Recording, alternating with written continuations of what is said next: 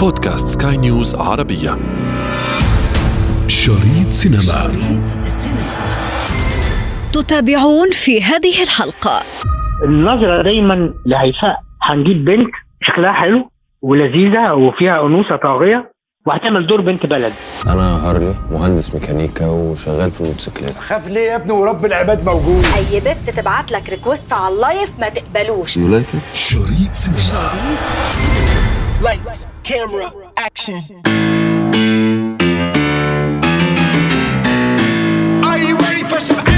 بعد موسم دراما رمضاني نعود معكم إلى صناعة السينما وتحديدا لأبرز الأفلام التي علق الجمهور عليها أمالا خلال فترة العيد. بعضها كان موفقا فيما لم يكن البعض الآخر كذلك لكن إجمالا رصدنا لكم آراء النقاد بالإضافة إلى رواد السينما في هذه الأعمال. أنا ابتسام العكريمي وهذه حلقة جديدة من بودكاست شريط سينما على سكاي نيوز عربية. لا تفوت الأمر.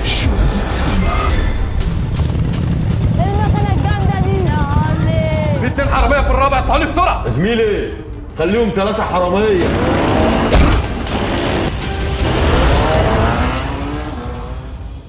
نبدأ حلقة اليوم بأكثر الأفلام التي حققت إيرادات مالية هائلة على الصعيد المحلي والعربي. هارلي فيلم من بطولة النجم محمد رمضان الذي أبى أن يفارق جمهوره منذ الموسم الرمضاني. 19 سنة بقول هانت ومفيش حاجة بتهون. وأنا عملت إيه غلط في حياتي؟ فبعد النجاح الكبير الذي نال صناع مسلسل جعفر العمدة الذي اتفق النقاد أداء نجمه محمد رمضان بات ناضجا أكثر خلال هذا الموسم. ها هو الآن يعود ليتربع على عرش شباك التذاكر العربي لأيام متتالية بفيلم الأكشن والحركة هارلي. الشفرة. أنا ما عاشرش الناس الصفرة. الأعلى أجران في القارة. مصبوري ما فاضلش في صفحة. يو يو يو يو على وسائل التواصل الاجتماعي رأينا احتفاء بهذا العمل لكننا أردنا رؤيته من الجانب النقدي الذي لم يتعارض كثيرا مع ما عبر عليه المغردون. من مصر الناقد الفني طارق الشناوي يجيبنا عن أسباب هذا النجاح المتتالي. إقبال الجمهور كان متوقعا لأنه خارج من رمضان بقوة. من شهر رمضان أقصد بقوة جعفر العمدة عمل نجاح على المستويين المصري والعربي. نجاح طاغي. طبعا ده يسفر عن شباك تذاكر. ده رقم واحد. رقم اتنين إن الفيلم مصنوع على مقاس جمهور محمد رمضان على مذاق هذا الجمهور. في كل المواصفات. إيه هي المواصفات؟ اللي بيحبها الجمهور. الأول حاجة المطاردات والقوة البدنية وده الحقيقة فيه عدد ضخم جدا من المعارك بنجدها داخل هذا الفيلم على المستوى التقني المخرج أحمد سمير عامله بشكل جيد. لكنه لا يحمل مغامرة على أي مستوى مفيش مغامرة إبداعية. لكن عندما نتحدث عن الأداء يبدو أن الأداء أرضاكم كنقاد. الأمر هنا مش محتاج لشخصية مثلا درامية وفيها أبعاد وتفاصيل. لا الأداء عادة بيبقى له بعد واحد. مفيش درجات هو تعرفي أداء الممثل من خلال درجات ال- التعبير المختلفة لكن هذا النوع من الكتابة والأعمال الفنية بطبعها اللي هو الفيلم الأكشن بطبعه بنسبة كبيرة بيبقى احاد أحادي التوجه. الممثل ما عندوش مساحات عريضة للتعبير. الممثل طبعا اعني بيه الممثل أو الممثله فهو يعني في قالب الأكشن م- مصنوع بشكل جيد. الجمهور مع العيدية وبينفق العيدية لأن ده جمهور استثنائي. يعني ليس هذا جمهور السينما العادي.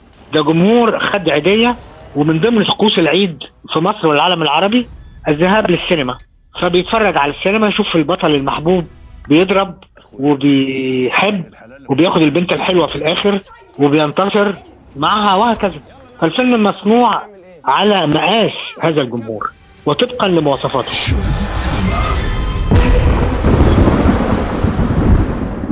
أنا مش فاهم إصرارك. أنت ليه عاوز تبات في القصر؟ ما هو مش هينفع ابيع قصر بيتقال عليه مسكون. من الأفلام التي تصدرت الترند فيلم الرعب العربي يوم 13 في دور البطولة نجد النجم أحمد داود شريف منير ودينا الشربيني. اللي بيخاف من العفريت يطلع. له. الصح بتاعه اللي بيخاف من العفريت يتهيأ له إنه يطلع له يتهيأ له.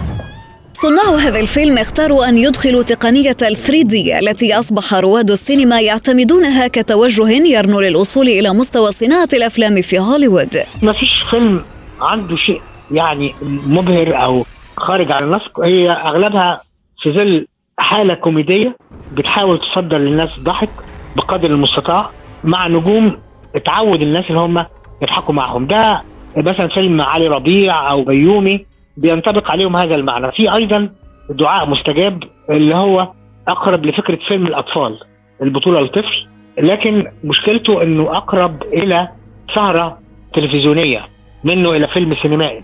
في فيلم يمكن يحقق بعض الإيرادات وهو عشان 3 Ds فيلم رعب وبثلاث أبعاد. وإحنا في عالمنا العربي قلما ندخل للجانبين لل 3 Ds في أفلام طبعا أنا شفتها عربيا ثلاث أبعاد يعني مجسدة وأيضا رعب لكن قليل. المرة دي داخل بقوة أكتر في هذا النوع آه، المخرج اسمه وائل عبد الله.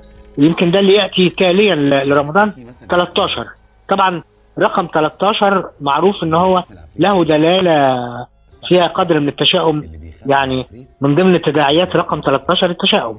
فهو لأنه قصر فيه أرواح وأشباح وحاجات كده فأطلق عليه أو فيلا بالأحرى أطلق عليها 13 يعني الآن رقم 13 هو رقم التشاؤم. أستاذ طارق فقط علشان نشرحه بطريقة منطقية يعني. دي ثقافة عالمية بالمناسبة ليست ثقافة عربية.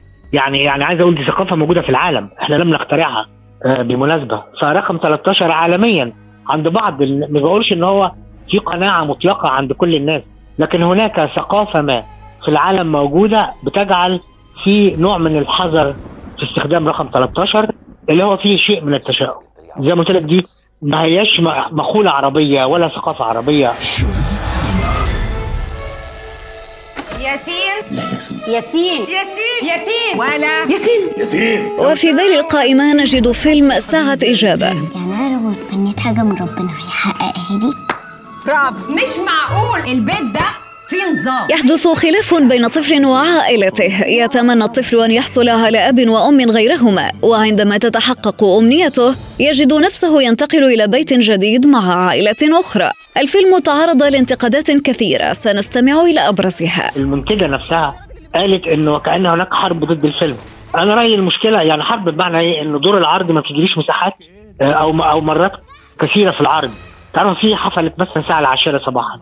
وفي مثلا حفلات مهمة السادسة أو التاسعة مساء.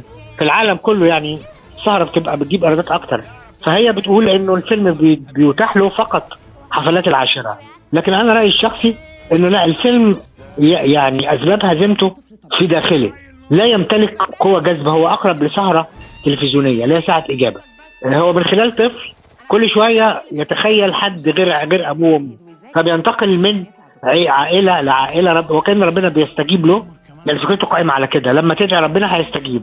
فالطفل بينتقل من عائلة لعائلة لعائلة وبتشوفي حالة بانورامية الفكرة كويسة بالمناسبة لكن النتاج في الآخر لم يزد عن كونه سهرة تلفزيونية. شريط سينما حرام عليك يا شلتة. يا دي شلتة. اسم أحمد. أحمد. وأي حد هيقول لي شلتة بعد كده هزعله. شلتة. هزعلك يا حاج؟ شلتة يد حطها ورا ظهري. النجم شيكو يطل على جمهوره بفيلم ابن الحاج أحمد. عمل كوميدي بامتياز. رأينا في دور البطولة الكثير من النجوم المصريين من أبرزهم سيد رجب عايدر رياض ومصطفى غريب. طبعا لو قارنا الرقم بالفيلمين الآخرين أو تحديدا بهارهي فيبقى رقم قليل لكن مؤكد إنه الفيلم محقق قدر من الإيرادات. ابن الحاج أحمد عامل قدر من الإيرادات. ما أقدرش أنكر عليه هذا القدر. لكن ليست الإيرادات الضخمة. يمكن ال- الرهان آه، فيلم بتاع بيومي فؤاد. هو اللي يمكن خابت الرهانات آه، اظن اسمه عمهم. مش فاكر. ولا ما فاكر حتى نسيت اسمه. إنما واخد هو الب... يعني بيومي هو البطل ومش ما قدرش يحقق الانتظار أنت عارفة بيومي أشهر ممثل عربي مش بس مصري. أشهر ممثل عربي حاليا بيشارك في الأفلام مغامرات كوكو. الفيلم ده كان عليه رهان ضخم إنه هندي بطولة لبيومي فؤاد اللي دايما موجود في الأفلام. فالحقيقة كوكو ما قدرش يعمل آه، الإيرادات بل إنه حفلات كتيرة كان بيلغى من دار العرض لأنه مش جايب جمهور. اسم محمد صلاح. لا طالما فخر العرب يبقى نفتح timer. النجمة هيفا وهبي التي لا تغيب عن المواسم السينمائية الكبرى التي ينتظرها الجمهور لاحقتها أيضا تساؤلات عديدة بعد عرض فيلمها الجديد رمسيس باريس. أنا لولا إن أنا جيت البرج ده كتير كان زمان قلت إن أنا برج إيفل. قصة حب تبدأ بين إيزابيل فرنسية الوصول وشاب مصري يدعى سليم. تفر ليلة زفافها هاربة من عريسها الفرنسي على أمل يناشد لقاء من اختاره قلبها. تستعين بمشعوذ يساعدها على العثور على سليم يعطيها ما يعد من الممنوعات ويطلب منها تهريبه. لكن سرعان ما يتم القبض عليها. الفيلم نال رواجا عند نشر البوستر الخاص به لكنه لم يكن بمستوى تطلعات الجمهور حسب النقاد. النظرة دايما لهيفاء هنجيب بنت شكلها حلو ولذيذة وفيها أنوثة طاغية وهتعمل دور بنت بلد مصرية. فبتعملها بتصنع. يعني بتعملها أنا بقى احاكي بنت البلد مش أنا بأدي دور بنت البلد لا وكأنها فبتاخد من القديم. من طريقه أداء بنت البلد في العديد من الأعمال. فبتحسي بالتصنع بتحسي إن حاجة كده بيرسموها على ملامح هيفاء لمجرد إنها أنثى جميلة جاذبة فبتخفق يعني ما في شيء جديد. ليس العمل الأول لا أكتر من مرة خدت فرص بنفس الطريقة وأخفقت أيضا بنفس الطريقة. شريط سينما. انتظرونا أفلام جديدة في شريط سينما. شريط سينما. شريط سينما